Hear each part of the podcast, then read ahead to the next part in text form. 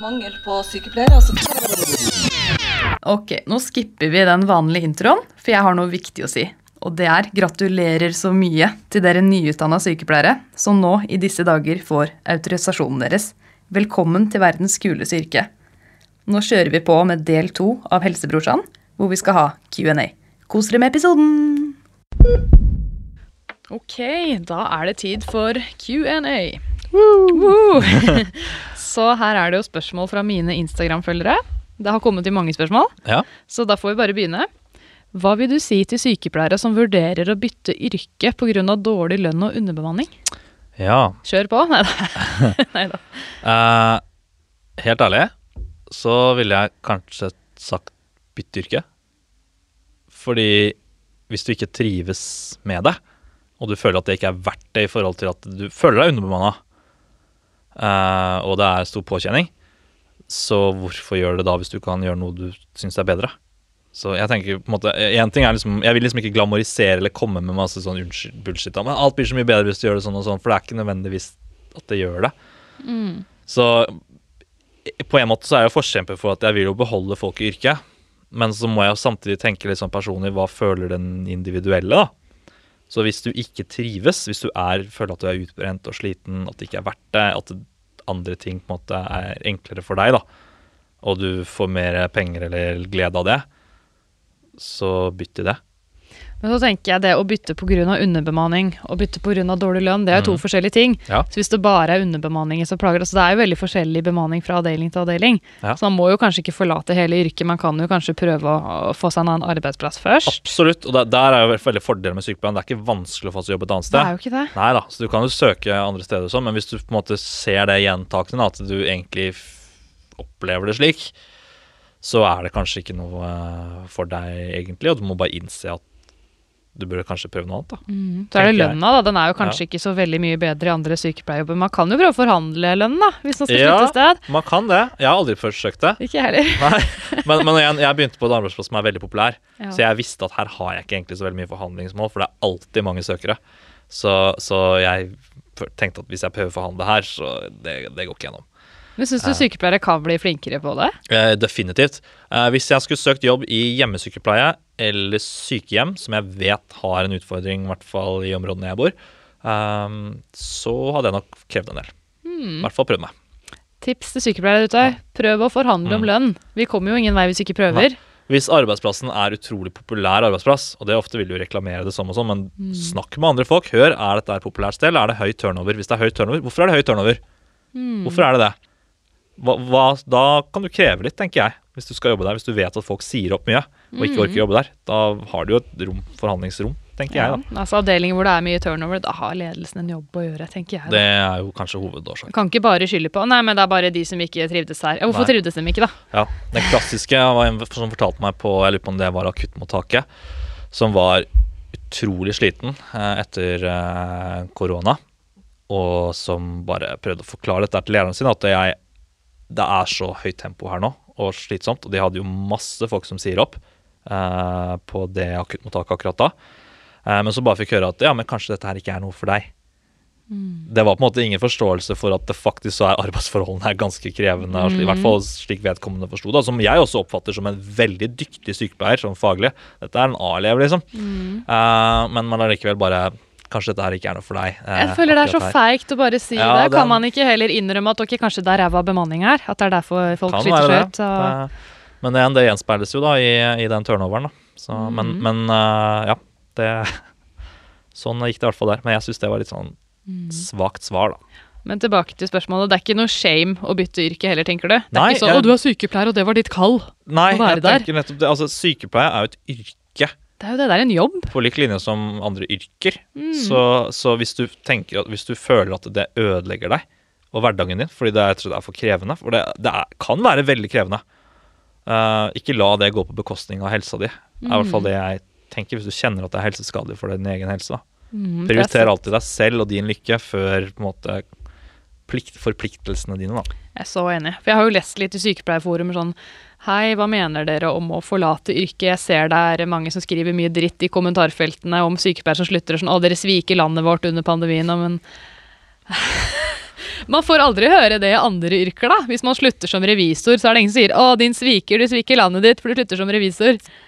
Ja, eh, det er jo klart at vi hører jo mye om sykepleiermangel. Ja. Eller at vi ikke har nok sykepleiere. Og det var jo nettopp nå i media om Nav sin undersøkelse om at det var over 50 000 for få liksom, sykepleiere. Eh, men bare fordi det er få sykepleiere, så betyr jo ikke det at du er forplikta at du må jobbe som sykepleier. Eh, det er faktisk noe du skal leve med, og, og som skal gi deg Ja, én ting er inntekt, men du skal jo også leve et godt liv.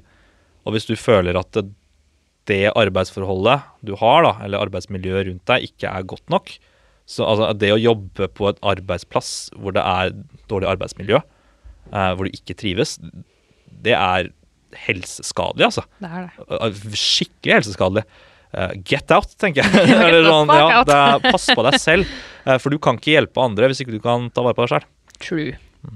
Da går vi til neste spørsmål. Kan du fortelle litt hva som er din beste egenskap som sykepleier? Ja, det var den, ja. Ja. Um, den husker jeg tenkte litt lenge på. Um, og veldig mange var sånn herre uh, Eller folk som har snakket med meg litt om dette her før, har tenkt det at du, du er sånn skøyer. Du er sikkert veldig sånn flink til å tulle og tøyse med pasienten. Men jeg, jeg tror ikke det er min største styrke. Uh, hvis jeg skal være helt ærlig, så tror jeg det er å være litt Litt sånn Jeg føler jeg kan være flink til å være undervisende uh, og tydelig uh, sånn informasjonsmessig til pasienter og pårørende og studenter eh, om hva som skal skje, hvorfor det skal skje, og hva vi skal gjøre. Det kan jeg se for meg, fordi Ja. du er veldig flink til å formidle deg og, Ja, prate, så folk forskjønner det. Ja, absolutt. Jeg merker jo det her i denne episoden. Så, så det er jo på en måte eh, Jeg kommer inn, og så skal vi kanskje si vi skal ta et eh, stell av en pickline, eller legge inn et urinkateter. Så forklarer jeg veldig tydelig det at eh, nå skal vi gjøre en prosedyre hvor vi kommer til å gjøre det her inn i urinrøret ditt, liksom. Eh, og da vil vi sette bedøvelse, og det skal være sånn og sånn. Det kommer til å være helt trygt, eh, og det skal være en steril prosedyre. Eh, det innebærer at de må vaske først og kanskje gjøre sånn og sånn, men vi gjør det fordi det og det. Eh, og det kan være at du opplever kanskje at det gjør vondt, og du må si fra. Det er viktig at du er tydelig på det. At vi er veldig sånn Gi pasienten den informasjonen, fordi god informasjon er så viktig for det å skape tillit til pasientene. Indeed. Eh, og du kan ikke tulle med pasientene før du har tillit. Eller, jeg liker å tulle, men, men eh, det det, den tilliten er så viktig. Og hvis du klarer å gi dem Jeg merker i hvert fall det at hvis du gir dem god og tydelig informasjon, fra, særlig fra starten de kommer inn, men også hvis de føler de ikke har fått informasjon, bare å spørre er det noe du lurer på. Bare, før du er ferdig, bare ta ut noe tøy, kanskje. Gi sånn. rom for det. Rett, ja, bare, Er det noe du lurer på, så kan jeg sikkert finne ut av det. Er det noe du lurer på? Veldig ofte er det det. Ofte sitter de sånn Ja, egentlig er det det. Jeg lurer Når kommer på legen? Ja, ja. Når skal jeg hjem? Ja. Ingen som har fortalt meg hvor lenge jeg skal være her. Liksom Disse tingene der, da. Bare, bare spør. Den lille tingen å spørre om det, det gir deg så fordel i etterkant. Fordi pasientene blir sånn Han her følger med på og gir meg informasjon. Han kan jeg spørre om ting. Han, Så det er en god egenskap du har, da. Vel- formidle god informasjon. Hvis jeg, som skal, da, jeg føler det her er litt sånn selvskryt, da. Men hvis, Det er lov. Selvskryt Selvskryt er velskryt. Eh, men hvis det er på en måte kanskje det jeg føler er min sterke side, eh, så skal jeg Jeg liker også å si at jeg er flink til å observere eller identifisere når noen blir dårlig. Men det kan også, det kan også være tilfeldigheter. Så jeg bare for veldig mange sier at men du havner alltid i sånn situasjon hvor du oppdager at noen er skikkelig dårlig, liksom, og så blir det ah, sepsis, og så er vi liksom full Ja, gang ja, lenge. det er greia med å være observant, det. Da finner Ja. man ut uh, ting. Men samtidig så er det hender det har vært litt sånn her Det der burde jeg oppdaga, liksom. Så jeg vet ikke. Jeg tror det er tilfeldigheter. At jeg bare har kommet inn akkurat da. Nei, men bra, bra å være bevisst på hva man er eh, god på. Det tror jeg flere sykepleiere kan tenke på. For mange er veldig strenge mot seg selv. Neste spørsmål, bakgrunn for TikTok. Det har du egentlig svart på. Ja. Så da går vi til neste. Hva syns du er det vanskeligste med å være sykepleier? Der kom den, ja. Oh, Der kom den. Den har jeg venta på. Eh, der kom den, ja. ja, jeg har eh, to svar på den.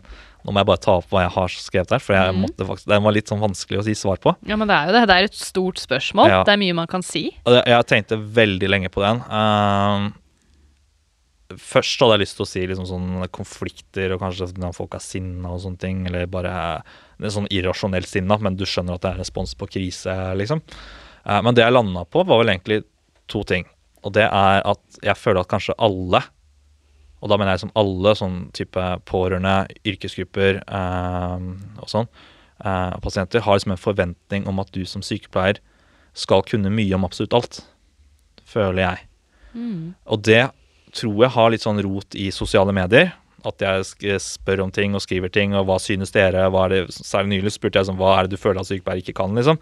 Og jeg fikk jo så mye svar. Og veldig mange skriver liksom det at Uh, jeg synes at, eh, eller jeg har opplevd at sykepleiere kan ikke nok om dette her, og mitt møte med helsevesenet var at de var altfor dårlige på det, og liksom dette her burde man jo ha mye mer om i studiet, hvorfor har de ikke lært dette her? Det burde de jo kunne. Og så er det sånn, ja, men vi lærer jo om det, men kanskje ikke så avansert. Sy altså, ja, jeg har jo en bachelor. Det er en treårig utdannelse om det å pleie syke mennesker på et veldig generelt grunnlag. Det er jo ikke noe spesialisert, det jeg har. Men folk Jeg opplever liksom at veldig mange tror at jeg skal kunne alt om alle sykdommer, eh, vite nøyaktig åssen man skal tilnærme den pasientgruppen, den pasientgruppen, den pasientgruppen. Og selvfølgelig, mye av det lærer du nok over tid.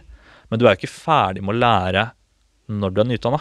Har du opplevd at pasienter prøver å teste deg? Sånn, Hva er et normalt blodtrykk, da? Eller hva skjer med kroppen når det og det? Og er jeg på helsepersonell som er pasienter, for jeg er helt packeren, ikke sant? Uh, For det er en del av de. Pasienter som er også helsepersonell? Ja, selvfølgelig. Mm. Uh, samtidig så er det Er det på en måte Det er på en måte den ene siden av det, at jeg føler de liksom forventer at du skal kunne alt. Og det må man jo være er at du kan jo ikke alt. Ofte det er mye du kan, men iblant føler jeg at de forventningene er litt sånn feiljustert. Uh, mens den andre tingen er at uh, mange uh, Jeg føler at mange pasienter og pårørende som tror at alle som ikke går med en hvit legefrakk, liksom, og stetoskop, er sykepleiere. Og det er litt sånn, jeg syns det er litt sånn ubehagelig, for jeg føler at det gjør at vi som gruppe, da, vi er en ganske svær gruppe med sykepleiere Det fins sikkert mange ræva dårlige sykepleiere, men også finnes også fryktelig mange dyktige. Men noen har hatt det møtet med den ene sykepleieren som var ræva, eller som ikke engang var en sykepleier, men man trodde det var en sykepleier. Mm, for det er jo pleieassistenter Ja. der, alt, alt mulig. Og så blir det sånn Det er så dårlig! Dere sykepleiere er så elendige på det! Og du må ikke bli sånn! Og hvorfor har ikke dere lært mer? Og så blir jeg sånn der, Men vi, vi, vi, vi lærer jo om det. Det er jo ikke sånn det skal være. Eh, Ok, det er jo kjipt, det, altså, men sorry, altså, men du finner jo dårlige epler overalt. liksom Om det er sykepleie, leger, eh, politi. ikke sant? Det er jo alltid Det er jo mennesker, Men så kan man jo aldri bli god på alt. Man blir jo god av det man gjør mye. Ja, jeg hadde en pasient som var blind en gang. og Bare 'Å, dere lærer ingenting om blinde folk'. Bare. Nei, vi, nei, vi gjør kanskje ikke det. Nei. Det er noe med det. Men Og jeg prøver så godt jeg kan. da, fikk jeg, jeg Jeg fikk veldig mange skrev, eh, husker jeg, om eh, at de, de savnet at sykepleiere lærte mer om pasienter med psykisk utviklingshemming. Ja. Og så tenkte jeg Vi har jo lært noe om Vi hadde jo litt om det på sykepleierstudiet. Men jeg har hatt ytterst få pasienter som er psykisk utviklingshemma. Eh, Og det er jo selvfølgelig fordi det er jo ikke så mange av de. Kanskje ikke på KAD, Nei, men jeg tror nok på ikke. mange barneavdelinger og sånn, så kan man møte mer på det. Barneavdelinger. Og eh, omsorgsboliger, ikke sant. Boliger for eh, Mhm. sånn psykisk utviklingshemmede, rett og slett. Mm. Eh, er det jo mye av det. Men de savnet det at helsepersonell, særlig på sykehus, eh, hadde mer kunnskaper om pasienter som er psykisk utviklingshemma. Og så var jeg sånn, Vi har jo lært noe om det, men, men jeg husker jo svært lite av det nå, måtte jeg jo innrømme. Fordi jeg har jo ikke jobbet så mye med det. Og når jeg, den, de få gangene jeg møtte, så har jeg jo henvendt meg til de som jobber med dem. Som ofte har vært i følge med dem. da, Vernepleiere og sånn eh, som jobber med Og de lærer jo spesielt mye om det. Eh, om liksom ivaretakelse av dem og rettighetene de har, og liksom tryggheten deres i liksom når ting blir dårlig, da. Mm. Eh, og da, da var jeg litt sånn herre Men det er sånn du, du lærer jo det du gjør mye, og du kan jo ikke huske det så mye. Men det er på en måte forventning om at du skal kunne det. Nå tenker jeg kanskje um, vi sykepleiere kan bli flinkere til å innrømme det vi ikke har nok kunnskap om. Sånn, vet du hva, det der har jeg ikke nok kunnskap om, men jeg skal prøve å finne det ut for deg. Det er jo nettopp det. Da må vi jo få tak i den kunnskapen. Og det Mm. burde vi kanskje være litt flinkere på det å klare å For jeg føler jeg er rågod på liksom en gang for en prosedyre jeg kommer borti. Ah, shit, åssen er den her igjen? Ok, jeg må gå inn på, på helsebiblioteket, begynne å søke opp prosedyren, ikke sant. Lese igjennom, kanskje se et par videoer. Spør kollegaer som kan det. Et, anskaffer den informasjonen jeg trenger for å gjøre det faglig forsvarlig. Så man skal ikke gjøre noe man ikke kan som ikke er faglig forsvarlig. Nope, det har vi ikke lov til. Men så blir jo veldig mye også bare deisa på deg, da. Bare sånn Ja. ut av det blå, ikke sant. Så det, akkurat det syns jeg er veldig utfordrende bit som jeg iblant Ja, i hvert fall Sykepleie skal liksom dekke så utrolig stort område, Mm. og du har tre år på deg til å liksom lære det. Uh, og det er ikke alltid engang du får en Husk at halvparten av de tre årene er jo praksis, som er på en måte praktisk erfaring. Og det er bare rulett i forhold til hvor du havner og hvilken post du kommer, og hva du faktisk får av læringsutbytte um, i løpet av de tre årene. Så teknisk sett kan du si at ett og et halvt år, er jo det du får på, på skolebenken om forskjellige sykdommer, kroppen generelt, eh, og deler av helsevesenet. Det er jo ikke vanvittig mye. Så blir vi jo aldri ferdig utlært, da. Vi gjør ikke det. Vi vi får ikke det. bruke den til pasienter. Vi blir aldri Mm. ferdig utlært.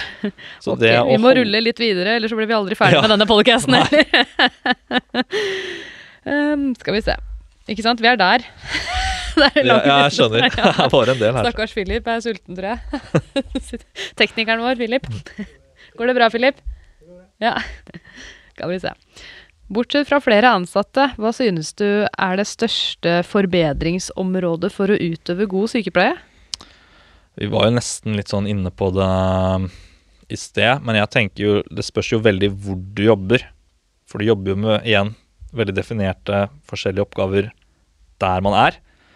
Jeg, men jeg tenker jo kanskje at største utfordringen, eh, eller største forbedringsområdet, er kanskje å få definert arbeidsoppgavene tydelig.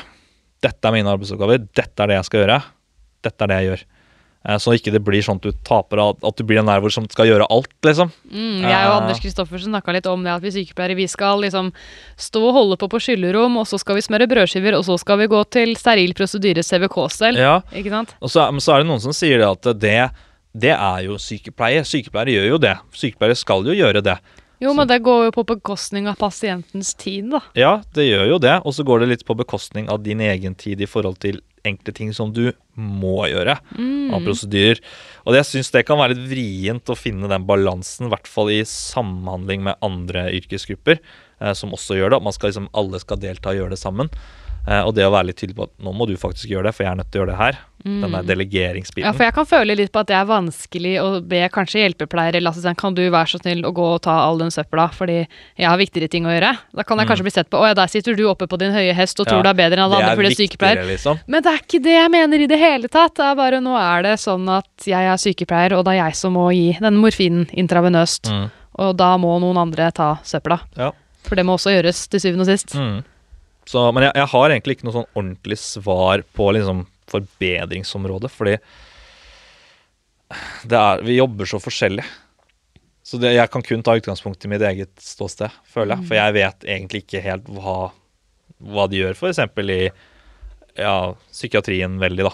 Annet enn hva jeg har sett i praksis, sånn egentlig. Tror du man kunne hatt mer liksom, sånn debrifing og sånt sammen for å ta mer vare på hverandre? Ja, den, den er fin. Den er, ja, når du sa det nå, så følte jeg meg litt dum når du sa det. For det, Har du ikke tenkt på det? Det tenkte jeg ikke på. Uh, debriefing burde vi virkelig være bedre på. Det, og det, jeg syns det er litt sånn rart, fordi politiet har debriefing. Ambulansen har debriefing. Um, Jeg vet at de har det i psykiatrien og steder hvor det er liksom dødsfall og barn. Ja. Men da er det veldig mye mellom det òg, som kanskje også burde hatt debriefing. ja, men det er som, de har på en måte det som en del av liksom, ambulansen, politiet, brannvesenet. Sånn, med en gang det har skjedd noe, så har de som en egen sånn plan for det. Uh, men jeg føler sykepleiere, uh, og sikkert helsefagarbeidere og hjelpepleiere også uh, Brått andre yrker som jeg ikke kommer på, men i helsevesenet, da. Brått så er det jo noe skikkelig traumatisk en kveld et sted, og så er det sånn Vi snakker om det i morgen. Vi har ikke tid til det nå. Ikke for vi må- tid. Bare sucker. Toget må gå, søkker opp. Det har vi ikke tid til å snakke om. Jeg skal hjem og legge meg, for jeg har dagvakt i morgen. Det blir liksom den der Men du trenger jo, det er jo så viktig i den sånn debriefing at du snakker om det der og da. Tar det opp Absolutt. og får ut liksom disse Det er spørsmålene traumeforebyggende, faktisk. Veldig. Mm. Og det kunne vi være veldig mye flinkere på. Jeg syns det er litt rart. Indeed. Den her var morsom. Hvordan vil du håndtere en lege som var frekk? Grine litt på skyllerommet? Nei, ehm, What did you say to me? jeg er veldig konfliktsky av natur. Er du? Jeg er veldig konfliktsky. Ja. uh, egentlig. Jeg hater å krangle. Jeg hater å være på dårlig talefot med noen, så ofte så bare legger jeg meg flat der sånn. Sorry, jeg skal ikke, og så prøver jeg bare å unngå den personen. Og kanskje jeg liker deg ikke, men da sier vi ikke så mye. Um, men men uh, hvis det liksom er sånn at eh, det kommer en frekk lege og bare 'Hvorfor har jeg ikke tatt blodtrykk?' Jeg ba om et blodtrykk. Samtidig som jeg står og har et drøss av medisiner som skal gis. Armer og bein til alle kanter. To pasienter som har bæsja på, seg, som ligger, og, ligger i egen alfie, bare kan dere komme og skifte på meg snart, liksom. Uh, og en som er skikkelig dårlig i terminal. Og jeg har en dårlig dag. Så ville jeg kanskje sagt kan bare, Hvis det blodtrykket er så jævla viktig, kan du ikke bare ta det sjøl? Sånn, Ja. Du klarer å ta blodtrykk, du òg, Eller så kan liksom. du gå og vaske avføring, så kan jeg ta blodtrykket. Ja, hadde liksom. Ja, men sånn Du, jo, du har jo den lange utdannelsen, du klarer å ta blodtrykk, sånn egentlig. Ja. Det er jo bare sikkert fordi de vil ha det for å fullføre sin ting, og de mangler den ene for å ta den vurderingen sin, liksom. Så kanskje det, men, men igjen, ikke sant. Fordi da, da hadde jeg kanskje jeg følt at legen ser ikke hva jeg gjør. Jeg holder på med mye ting, og han ser ikke at det Jeg har faktisk hendene mine ganske fulle. Eh, og det å bare mase på at jeg skal få gjort noe annet oppi det, kan være provoserende når jeg selv må prøve å prioritere hva som er viktigst av de tingene, og kanskje jeg selv prioriterer at det er viktigere enn å gi det ene blodtrykket. Samtidig så vet jo ikke jeg hva legen holder på med, og hvorfor det blodtrykket nødvendigvis er så viktig. Men hvis det haster så sinnssykt, så kan du ta det sjøl. Er jeg veldig frekk hvis jeg sier det? Nei, men det er jo kanskje greit å si du, jeg har hatt eh, arbeidsoppgaver opp til ørene. ja, det Det er, jeg har ikke sittet på latsiden. Jeg skal få tatt det snart, men Ja. Mm. du må resten vente litt. I guess er vel det jeg hadde sagt. Jeg har faktisk en gang så det var en lege som hadde vært sånn gjentagende frekk og teit mot meg og liksom dytta meg litt til og med noen ganger òg. Så jeg bare Det kokte. Så da, da tok jeg kålte på han. Jeg bare Kan du komme hjem og snakke med Nei, jeg har ikke tid, du må finne en anlegger. Jeg må snakke med akkurat deg. Mm. På et eget rom. Han bare Å. Så da kom han, og så sa jeg, vet du hva, jeg, oppf- jeg opplever at du svarer meg litt frekt noen ganger. Eksempel det og det, og i stad så dytta du meg faktisk inn på pasientrommet. Å, å, unnskyld, men det har ikke jeg tenkt på i det hele tatt. Ja, så så blei det faktisk bedre etter Ja. det. Men det krever litt guts, da. Å komme på lege og bare 'kom, jeg skal snakke med deg'. Ja, jeg, heldigvis så opplever ikke jeg at leger er frekke så veldig ofte. Jeg føler jeg har veldig god dialog med de fleste. Det har hendt selvfølgelig at det har vært litt spydig, men da ofte føler jeg at det er mer at de er stressa. Mm. Jeg ser de, de har veldig mye å gjøre, og de er stressa, så jeg tar det ikke personlig. Jeg tenker de bare har ikke sovet på lenge og har arbeid opp til ørene, liksom. Ja. Nei, man må svelge noen kameler, og nå høres det ut som at vi tenker at leger er de eneste som er frekke. Det er det ikke. Eh, Nei. Det er minst like mange sykepleiere. Sykepleiere kan være utrolig frekke og spydige. Ja. Uh, og, men jeg syns også kanskje det er enda mer ubehagelig egentlig når det er andre yrkesgrupper som eh, hjelpepleier og helsefagarbeider, kanskje litt erfarne eldre i de, på en måte, og så kommer hele den der rare hierarkibiten Mm. inn, som jeg egentlig ikke er noe fan av, uh, men som på en måte er nødvendig, Uh, i liksom alt dette her, da. Jeg, jeg syns det er veldig guffent. Men igjen, jeg er konfliktsky. Jeg prøver bare å etablere god, god stemning. Bare og god stemning oppe. Kommunikasjon eh, løser det meste. God kommunikasjon. Så kan man si du, skal hente en kopp kaffe til deg? Ja takk, pleier folk å si det.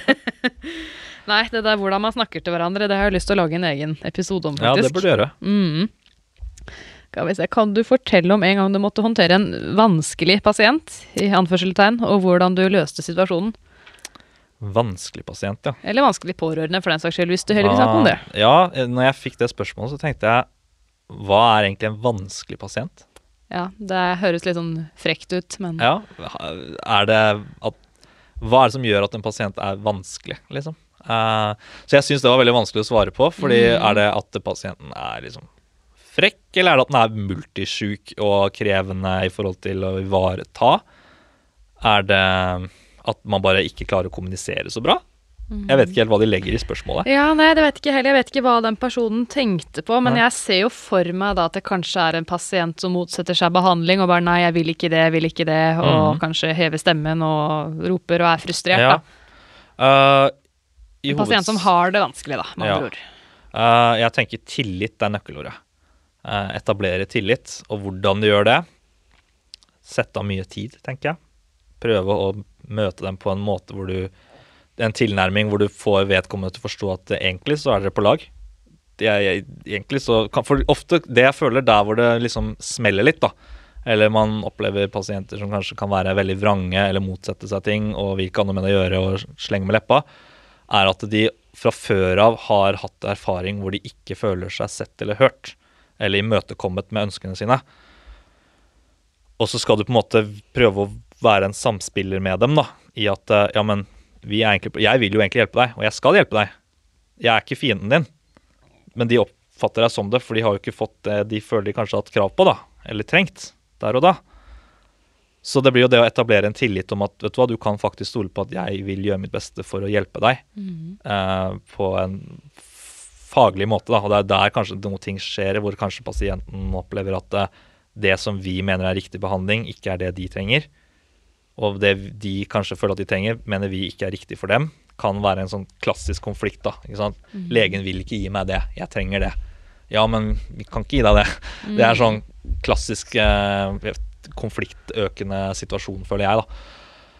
Men det å prøve å forklare og formidle på en måte litt overfor dem, da, at jeg Min hensikt med å være her er for å hjelpe deg. Og jeg hører hva du sier. Jeg skal gjøre alt jeg kan for å hjelpe deg. Men det er veldig vanskelig å få hjulpet deg hvis ikke vi kan kommunisere og snakke sammen. Og så er det jo ikke sånn, Man kan jo ikke tvinge folk til å bli friske. Nei, eller man kan kan, jo ikke tvinge folk til å trene. Og Da er det jo ikke det med medbestemmelsesrett, ikke sant. Eh, nekter, ok, men det er faktisk et valg vedkommende også tar. Vi kan selvfølgelig anbefale ting, Mm. men de velger å høre på det. Og så lenge det ikke går utover egen helse eh, eller andres helse eller livet og sånn, så er det greit. Da avventer vi til vi når det punktet, på en måte, før man Mm. begynner med sånn tvang og sånn. Og tvang er liksom siste, absolutt siste utvei på ting, og det er egentlig ikke greit, det heller. Det er vel ikke mye av det i- i kommunehelsetjenesten. Eh, av tvang, mener du? Ja. Uh, det er en del, uh, men det er nok mer knytta opp mot demens og sånn, og fare Ja. for seg selv og andre. Uh, Jeg tenkte på din arbeidsplass. Nei, jeg føler ikke det er så mye av det. Vi klarer å unngå det i Ja. stor grad. Men det har vært tilfeller, uten at jeg skal snakke så mye om måte, de, jeg kan ikke gå inn på det, men, men vi Det er på en måte Iblant er det jo uunngåelig. Og så kan man tenke ja, men hvis man hadde starta tidligere kanskje med tillitsskapende tiltak, eller observert, så kanskje hadde man unngått det. Ja, men altså Så havna man i den situasjonen da hvor det er rett og slett uunngåelig. Eh, fordi folk kan dø. for, for å være ærlig, da. Ikke sant. Skal vi se, da. Hvordan få flere menn i helsevesenet? Klassisk spørsmål. Eh, øke lønn.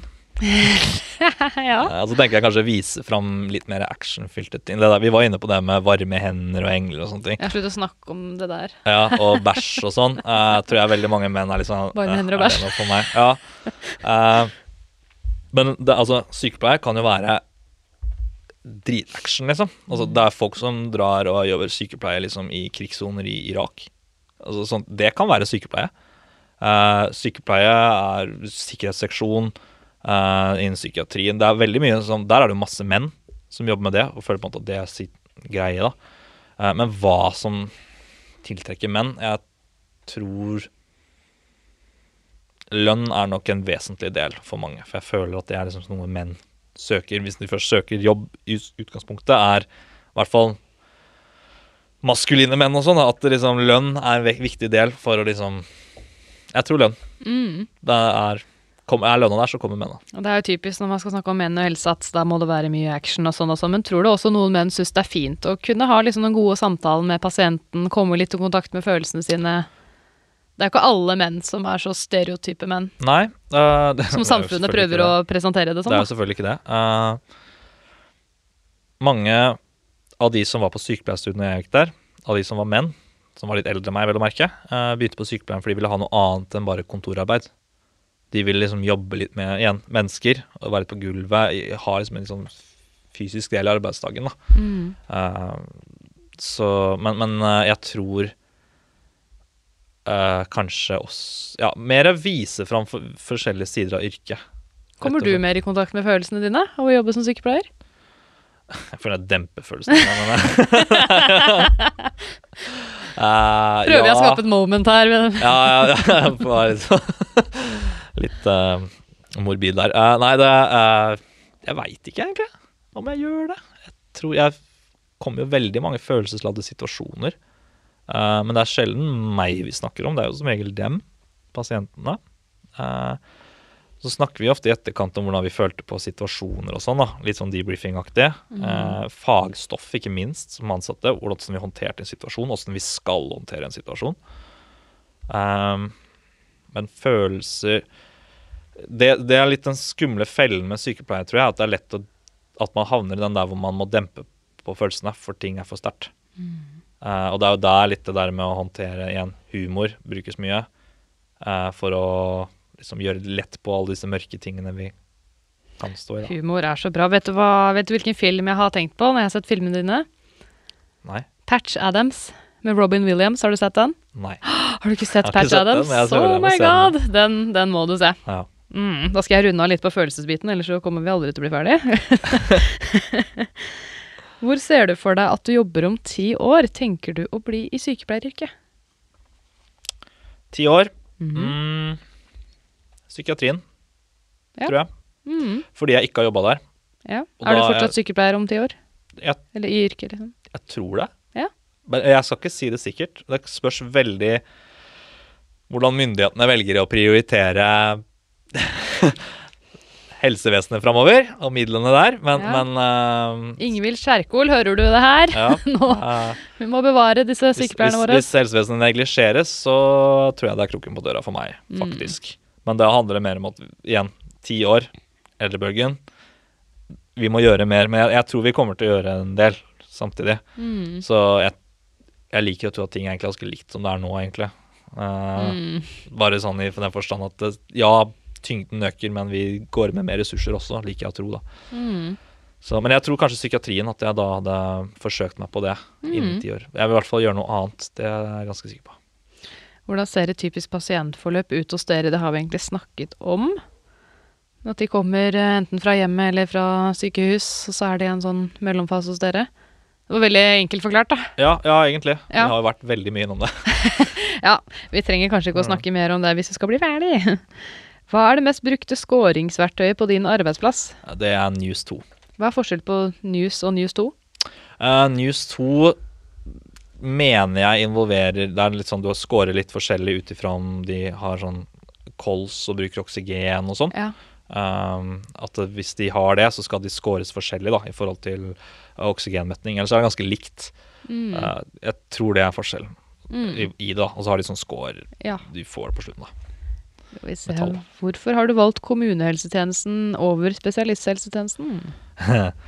Nå hørte dere jo jeg bare, hvordan jeg havna i, Ja, ja. fra Det var litt inn tilfeldig, du litt ville tilfeldig. ja. Eh, Men grunnen til at jeg jobber i kommunehelsetjenesten og ikke ville begynne rett på sykehuset, eh, for meg var at jeg hadde litt dårlige erfaringer på sykehuset når jeg var i praksis. Nei. Eh, Møte med det jeg i hvert fall opplevde som eh, veldig sånn ovenfra og ned, skarp, frekk holdning. Mm, både- Hierarkiet, liksom? Ja, fra Ja. både leger og sykepleiere. Uh, så jeg syns ikke det var noe hyggelig.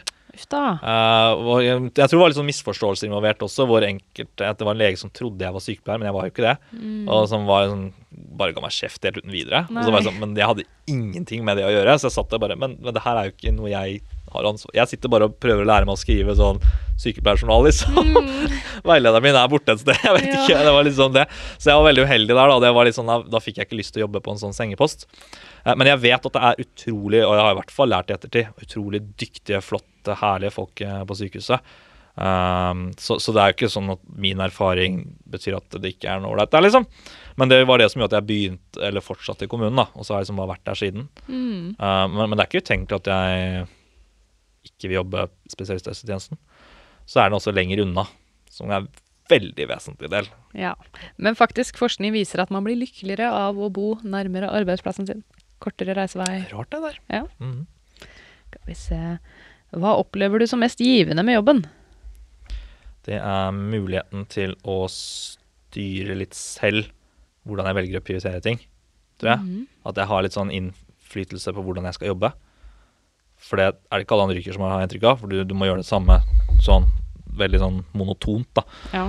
Uh, men jeg kan jeg start, Ok, åssen skal vi starte dagen nå? Hvem, hvilken pasient begynner vi med først? Det er litt den der, da. Mm. Uh, så du har jo veldig selv innvirkning på hvordan dagen skal være. Og det er ikke alltid du prioriterer riktig, men du, du på en måte gjør hele tiden selvstendige vurderinger, da. Mm. Så det, det er kanskje det mest givende i det, og selvfølgelig det sosiale og alle historiene du får høre, og menneskene du møter, selvfølgelig, er jo veldig flott. Ja, det er vel kanskje givende. Det er et veldig givende yrke sånn sett, samtidig som jeg har inntrykk av at det kan være ganske tappende sånn energi emosjonelt enkelte ganger. Mm. Men igjen, det svinger veldig, og fra sted til sted. Så ikke, Ikke sant. ikke det. Hvordan kommer du på alle de morsomme ideene til videoene dine? Er jobben, da. Ja. Eh, majoriteten av videoene er jo bare direkte inspirasjon fra min egen arbeidsplass, egentlig. Mm. Situasjoner jeg har vært i eller sett. Og så hender det at jeg får ideer fra andre steder òg, hvor jeg hører ting eller historier og ser og sånn. Lyder som bare minner meg om scenarioer. Eh, men ja, det er i stor grad jobben. Mm. Er du klar for et nytt forsøk med 100 000 skritt? Ja. Ja, du er det? ja uh, det, I forhold til kontekst, da, så var jeg med på en utfordring med en annen podkast om å gå 100 000 skritt uh, Ja, for det er helse. en person fra den podkasten som sendte meg det spørsmålet. Ja, jeg regner med det. Så det, ja, jeg har veldig lyst til å gjøre det igjen. Det var, Mm. Jeg klarte det ikke, men jeg vil gjerne prøve på nytt. Hvem tjener mest på Samhandlingsreformen? Oi, det var et spørsmål. Um, akkurat nå har jeg lyst til å si staten, Ja, politikerne, det var det jeg ja, tenkte. så. men det er pga. de bøtene. Uh, Ikke sant? uh, nei, sykehusdirektører, kanskje. Det er litt lettere å få ting ut. Uh, nei, det, det veit jeg ikke. Ja, nei, det er lov å ikke vite. Det. Det er i hvert fall vet ikke, ikke pasienten. Nei, ikke Det- pasienten. Det kan man vel eh, understreke. Bruker du også humor i møte med pasientene? Ja, men jeg etablerer tillit først. Ikke sant. Veldig viktig. Uh, han, for, jeg snakket med Nils Christian om det på forrige podkast jeg var om. Mm. Uh, om det at uh, du kan egentlig så kan du tulle med nesten alt med pasientene, så lenge de stoler på deg. Mm. Så du kan ikke begynne å Jeg går ikke inn til en ny pasient og begynner å tulle med en gang første gang jeg møter dem. Da blir de kanskje fornærma eller satt ut eller klager til sjefen om en idiot det er. Ja.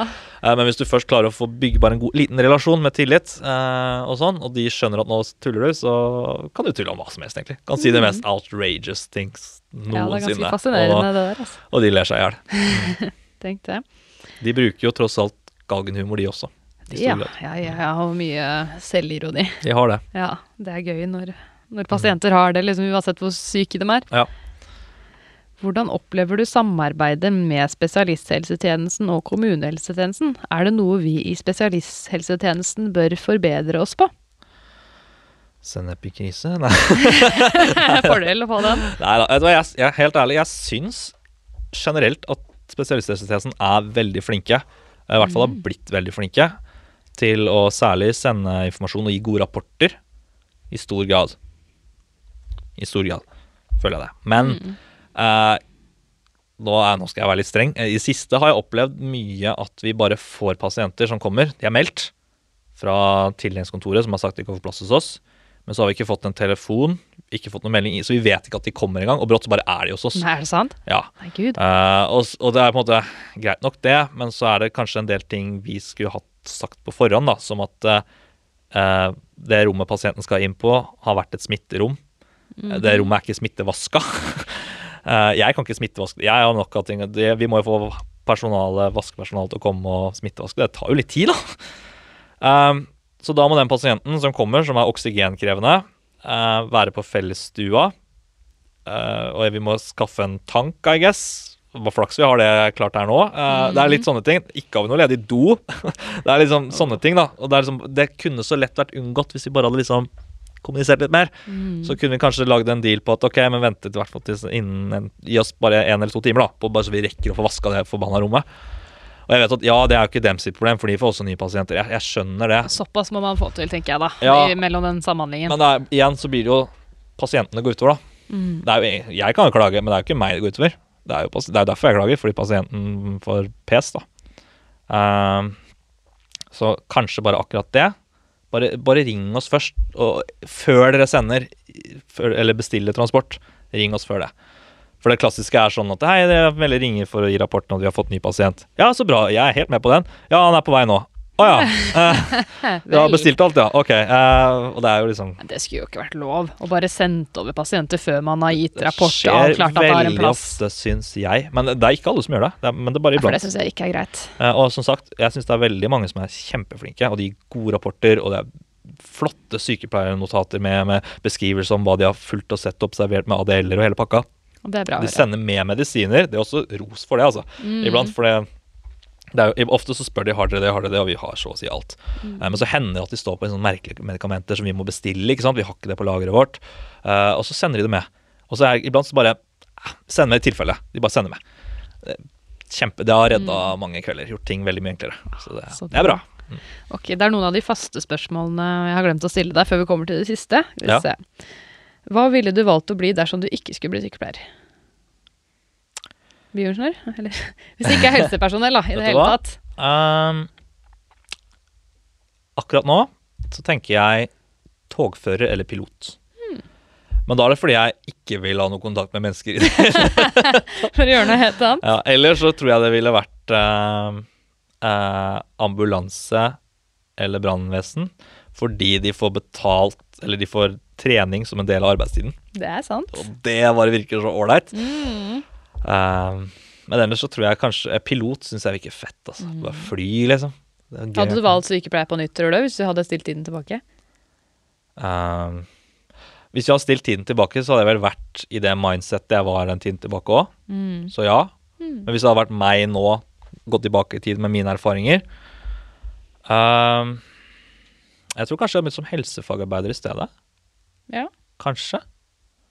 Uh, litt bare Ja, jeg tror kanskje det. Nei, Hvorfor det? jeg, fordi jeg, vet, jeg har snakket en del med helsefagarbeidere som sier det til meg det at jeg, For jeg har spurt om sånn skal, har lyst til å bli sykepleier, og de bare Nei! Liksom, hallo. Uh, fordi de, de er sånn vi tjener, Dere tjener ikke så mye bedre enn oss.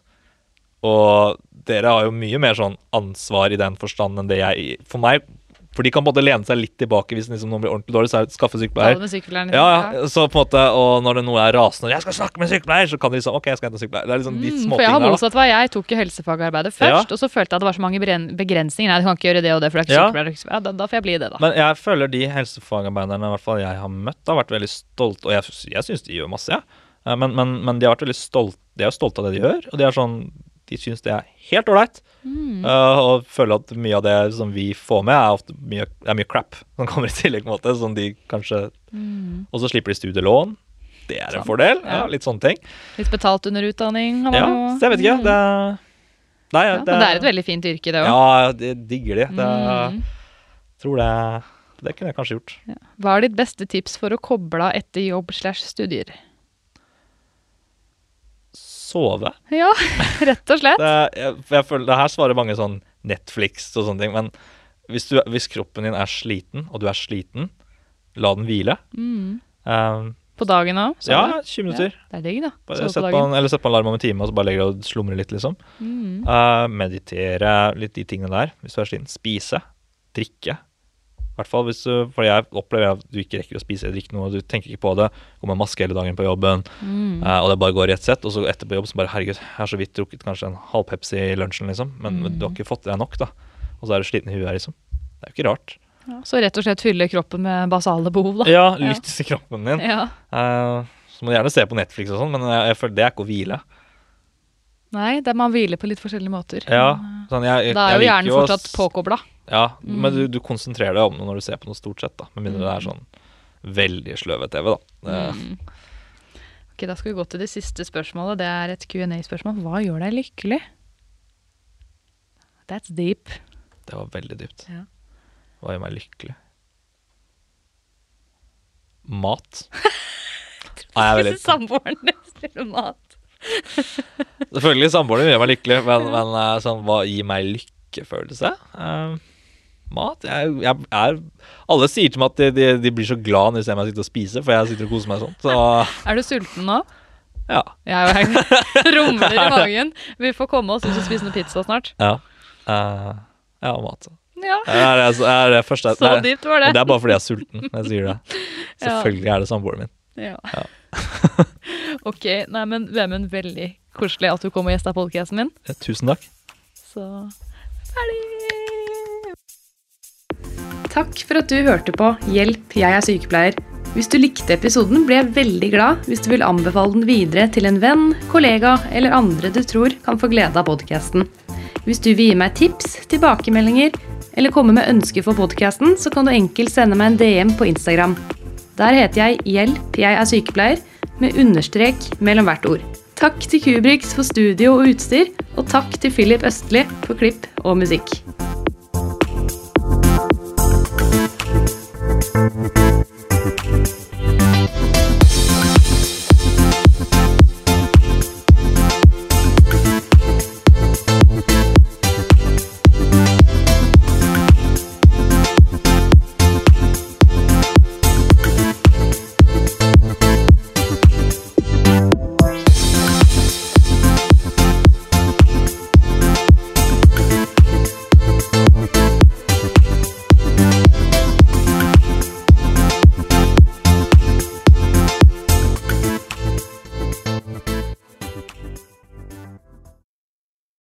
Har du et enkeltpersonforetak eller en liten bedrift? Da er du sikkert lei av å høre meg snakke om hvor enkelt det er med kvitteringer og bilag i fiken, så vi eh, gir oss her, vi. Fordi vi liker enkelt. Fiken superenkelt regnskap.